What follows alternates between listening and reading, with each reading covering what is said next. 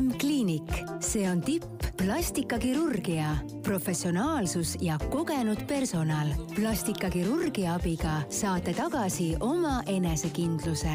seame teie soovid esikohale ja säilitame teie loomuliku ilu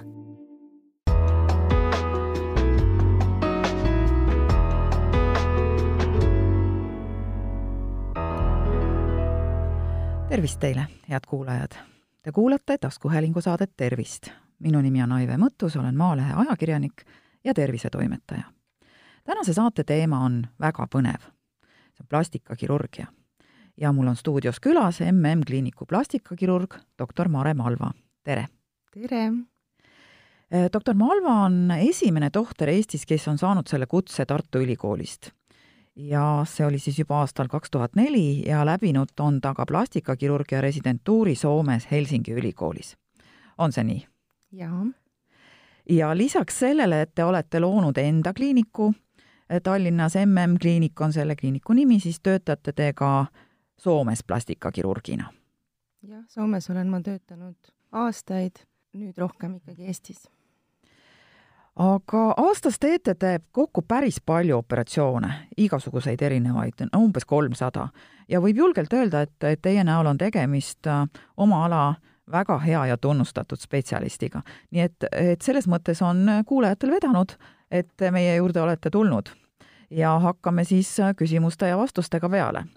kõigepealt äh, palju räägitakse mulle tundub ühest ja samast asjast, aga võib-olla ei ole ka see üks ja sami, sama.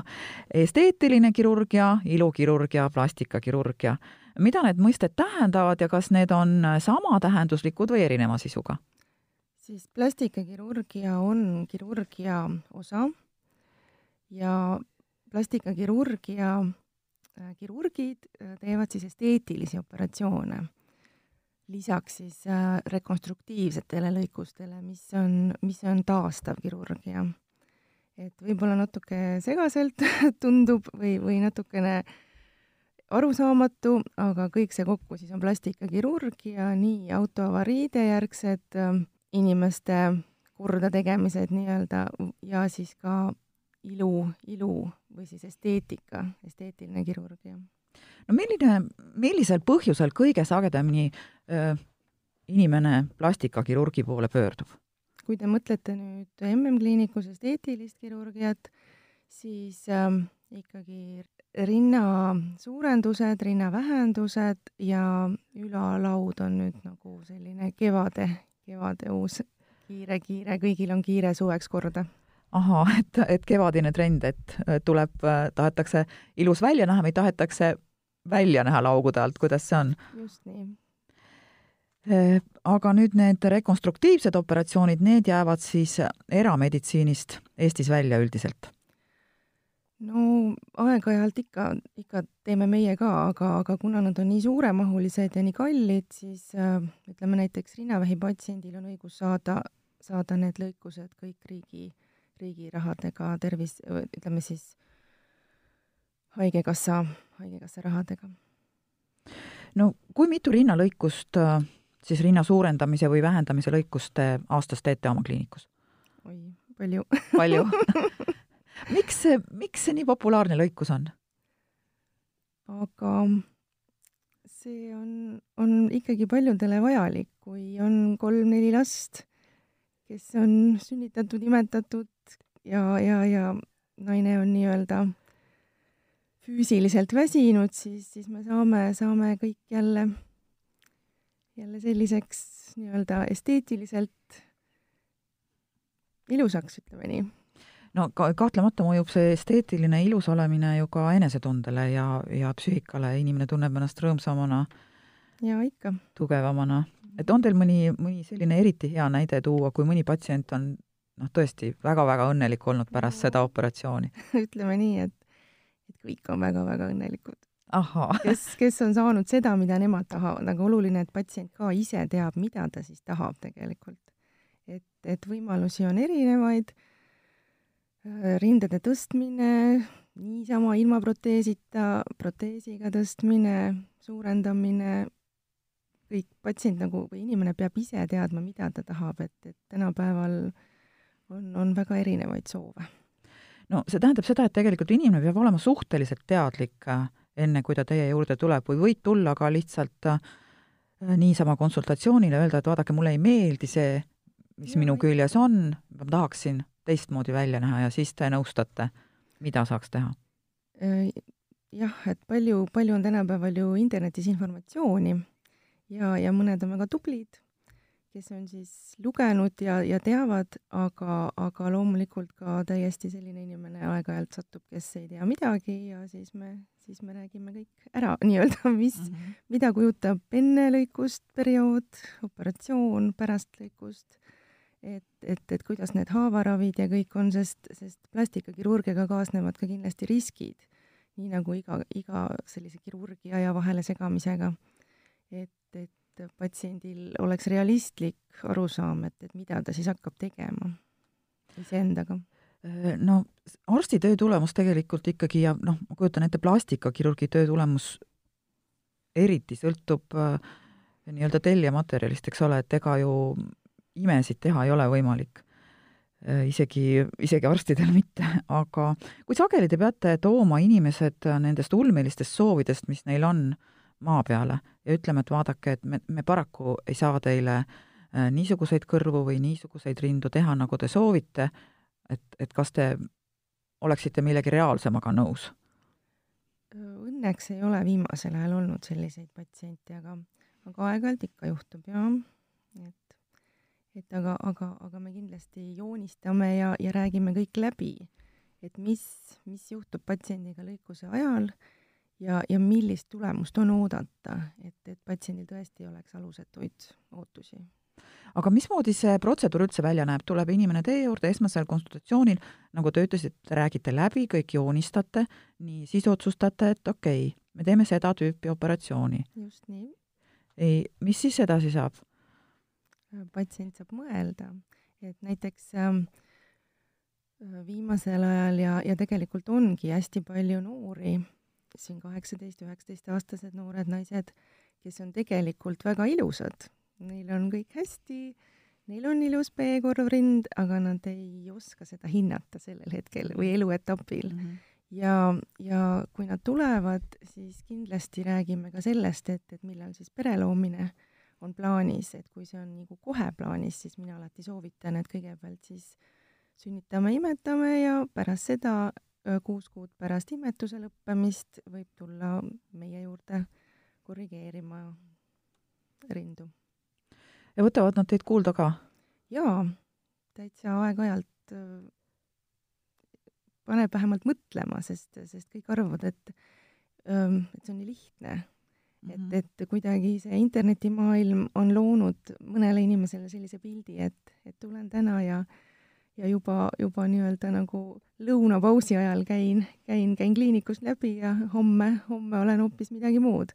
et päris nii lihtsalt need suuremad lõikused ei lähe.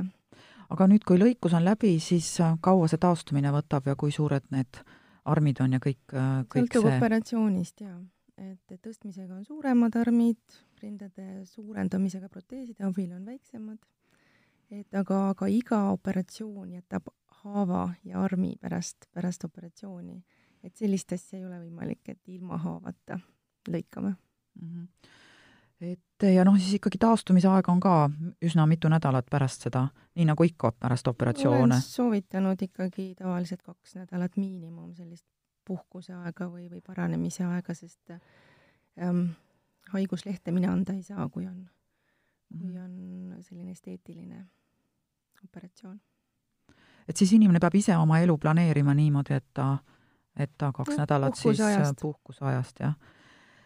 Äh, no rinnaoperatsiooni armid just näha ei ole, aga kui tehakse näiteks näolõikusi, siis äh, nagunii ju jäävad sinna ikkagi sellised armid, et järgmisel päeval tänavale jalutama ei lähe nendega mm,. jah, et, et haavad ja armid on alati, aga tegelikult patsiendid ikkagi ja kui õige, õige nii-öelda naha, naha sellise arvestada naha, nahaliine ja nahajooni, siis, äh, siis ikkagi aasta-paar ja, ja vahetevahel ikkagi pole peaaegu mitte midagi näha, et, et sõltub hästi patsiendist ja tõesti, nagu te ütlesite, et, et töötellija materjalist, et Ai, läheb meil. aga, aga ma ikkagi ütleks, kui te nüüd ütlesite, et need nahaliinid ja jooned, kuulge, see on ju kunst, mida te teete Mm, jah.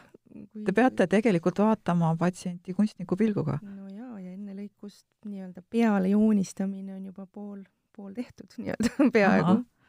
kas need on mingid erilised pliiatsid, millega te joonistate naha peale või võtate tavalise pastapliiatsi karbist ja teete kriipskraaps? sellised, ütleme nagu viltpliiatsi moodi rohkem. aga siis ikkagi Nad hajuvad ära ja, ja ei jää tätoveeringut, et see on hästi tähtis, et ei jää tätoveeringut mm. -hmm. nüüd äh, kui sageli te patsiente äh, oma vastuvõtult koju tagasi saadate ja ütlete, et teate, te olete nii äh, ilus, nii omapärane nii huvitav, teil ei ole vaja seda lõikust? no seda peab patsient ise otsustama, mida tal vaja on ja mida mitte. et mina annan talle need võimalused, et mida ta saab teha äh, tänapäeval siis mingi, mingi enda mure muutmiseks. et, et siis erinevad tänapäeval näiteks näoosas ka Äh, tingimata ei ole operatsioon see kõige-kõige nii-öelda tähtsam ja, ja, ja suurem, et, et ka erinevaid äh, protseduure tehakse selleks, et äh, nahk ja nahaluskude püsiks nooremana ja, ja siis äh, me käime nii-öelda läbi, läbi jälle need võimalikud variandid, mis, mis on võimalik tänapäeval. kas teil äh, selline mm, mõnikord käite mööda tänavat ja näete, et oi, et mul tuli just vastu inimene, kellel oleks väga-väga vaja plastika, plastilist lõikust, kas see, kas te olete tabanud ennast selliselt mõttelt või te tegelikult, kui te kliinikust välja astute, lülitate ennast sellest rollist välja?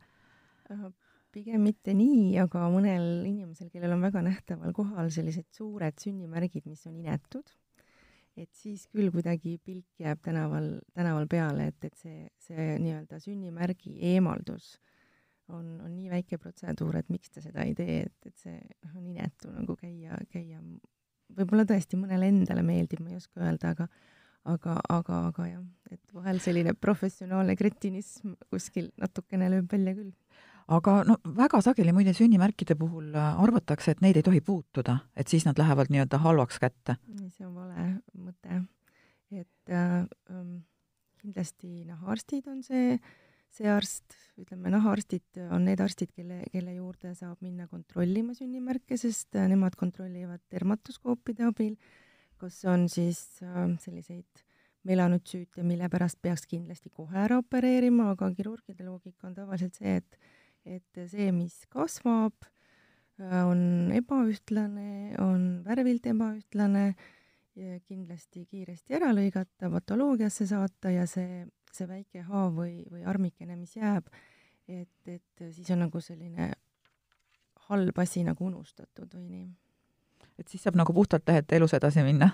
nojah, ja patoloogia ütleb siis, et, et kas mm -hmm. siis mhm. oli mingi mure või mitte, et aga on, on teil ette ka tulnud, et te, tegelikult inimene nagu ise ei kahtlusta sünnimärgi puhul mitte midagi halba Ikka, ja patoloogiast ikkagi tulevad, tulevad sealt need halvad? vastused, tulevad basaliomi mhm. vastused, jah nii et tegelikult peaks ikkagi tõsiselt vaatama endale teinekord peeglist mõnikord otsa ja mõtlema, kas vähem võiks... päikest võtma ja noored, ärge liialdage solaariumiga.